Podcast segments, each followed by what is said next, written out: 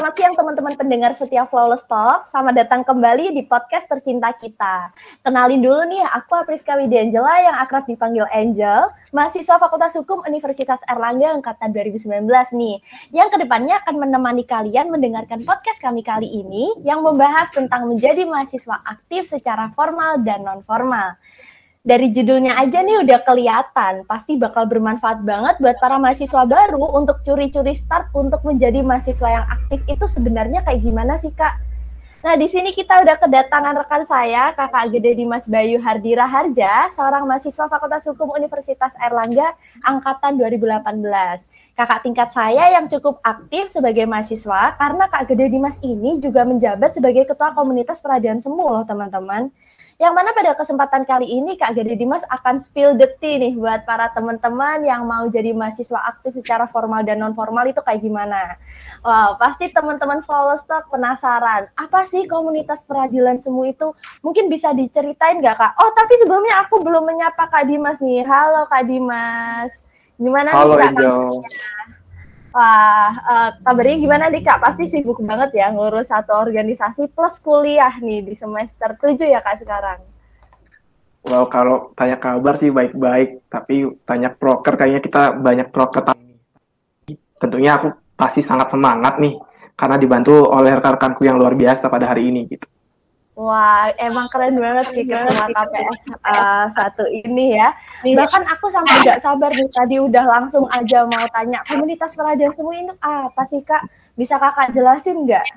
Mungkin biar teman-teman paham nih.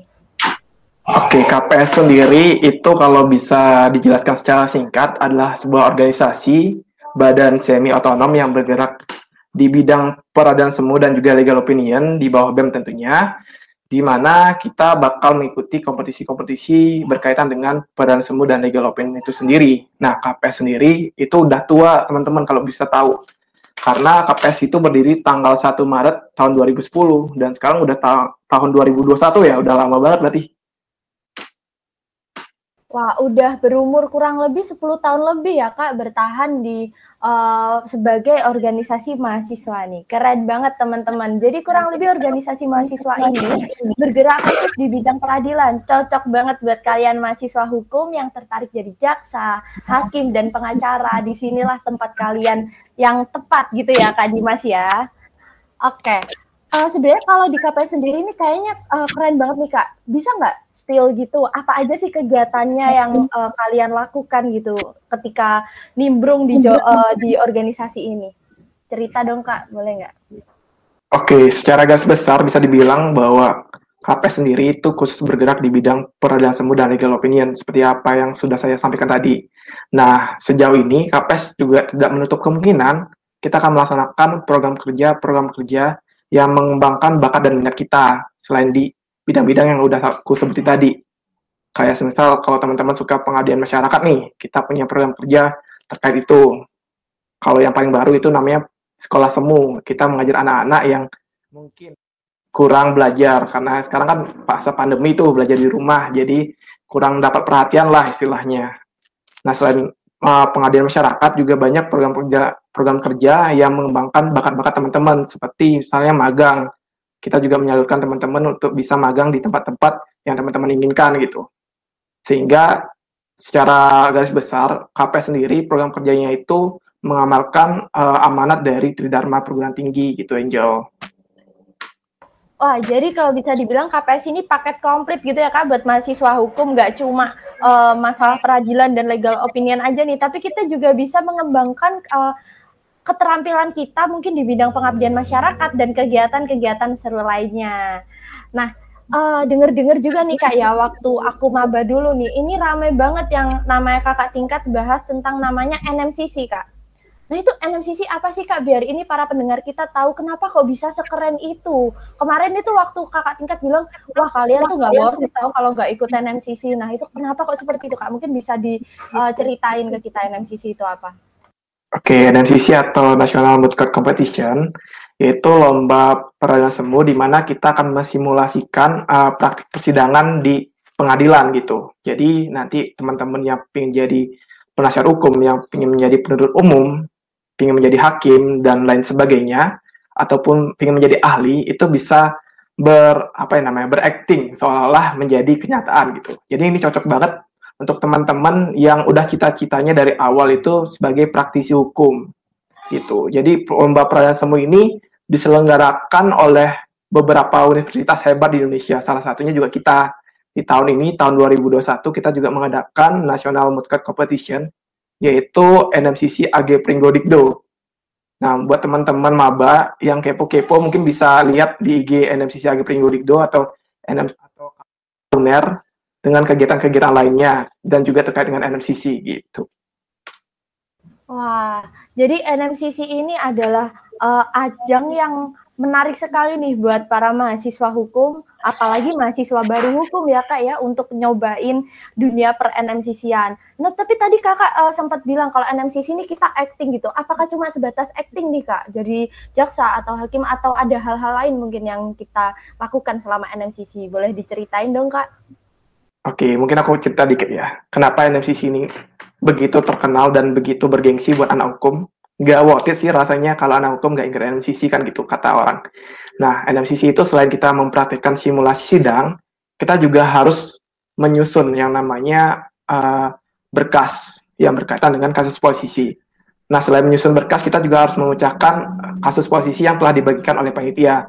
Kasus posisi tentunya nggak, kalau dibilang mudah, nggak mudah, kalau dibilang sulit, kan gitu. Jadi, banyak tantangan, banyak sekali uh, rintangan yang harus kita lalui. Nggak mudah ikut NMCC karena kita harus latihan beberapa bulan untuk tampil. Tapi semua itu pastinya terbayarkan.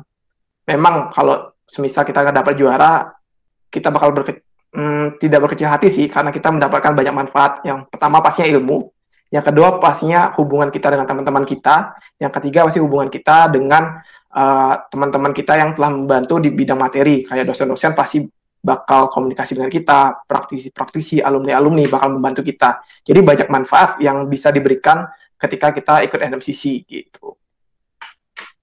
Nah, tadi mengutip ucapan Kak Dimas juga benar teman-teman. Gak worth it rasanya kalau anak hukum gak ikut NMCC. Soalnya di NMCC ini keterampilan kita benar-benar diasah nih menjadi seorang hakim yang seperti apa, jaksa seperti apa. Karena kita nggak cuma acting, tapi kita juga menyusun berkas-berkas yang mana itu akan ngupgrade skill kita juga ya Kak. Uh, hard skill, soft skill juga bakal didapetin nih di NMCC teman-teman. Cocok banget buat kalian yang mau nyobain NMCC. Mungkin ini adik-adik atau para mahasiswa baru atau mungkin mahasiswa hukum yang sekarang nih mulai kepikiran, aduh aku pengen ikutan MCC deh tahun depan boleh banget dicoba. Apalagi kita juga ada ya kak ya uh, dari KPS Evoner sendiri ada yang namanya NMCC AG Pringgodikdo. Nah uh, melihat KPS ini uh, udah 10 tahun gitu ya kak ya kegiatannya juga banyak banget uh, dan menarik-menarik dan mampu menjadi wadah bagi uh, sebagian sebagian besar anggota, nggak sebagian besar sih, tapi hampir anggotanya nih untuk mengembangkan keterampilan-keterampilan di dalamnya. Banyak banget ya yang berproses di KPS ini. Harapan kakak sebagai ketua KPS ini apa sih kak? Uh, mungkin bisa disampaikan untuk KPS ke depannya. Boleh banget. Silakan kak Dimas. Oke, untuk KPS sendiri harapanku karena kita udah tua nih organisasi udah tua, itu aku berharap agar teman-teman rekan-rekan anggota KPS-ku itu tetap semangat, dengan proker-proker yang udah kita bangun bersama gitu, tetap jaga hubungan, tetap uh, belajar lebih berkaitan dengan apa yang sudah kita uh, tujukan visi misi dari KPS itu sendiri dan untuk mahasiswa-mahasiswa baru yang ingin gabung dengan kita yang sudah bercita-cita sebagai praktisi hukum, ayo kita gabung dan kita bangun KPS menjadi lebih baik lagi. Nah, dapat salam juga dari Kak Dima. Semangat ya buat teman-teman KPS, tetaplah berkarya dan berproses di organisasi ini untuk menjadi praktis pro, praktisi profesional yang sesungguhnya untuk di masa depan.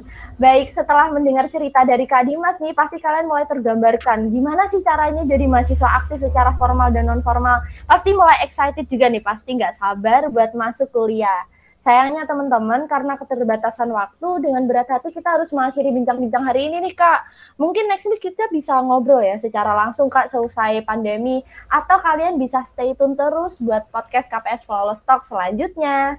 Mungkin itu dulu Kak Dimas, terima kasih atas waktunya dan sharing-sharingnya hari ini. kita uh, tutup dulu ya Kak untuk sesi podcast kita kali ini. Mungkin Kakak bisa say goodbye dulu ke teman-teman pendengar nanti. Oke, terima kasih ya semuanya udah denger. Ingat di share ke teman-temannya lagi. Oke, siap. Ingat teman-teman di share lagi ya. Oke, untuk itu saya Priska Widangela mohon undur diri. Sampai jumpa di podcast selanjutnya teman-teman. Goodbye. Sehat selalu. Sehat selalu Kak Dimas. Sehat selalu Angel.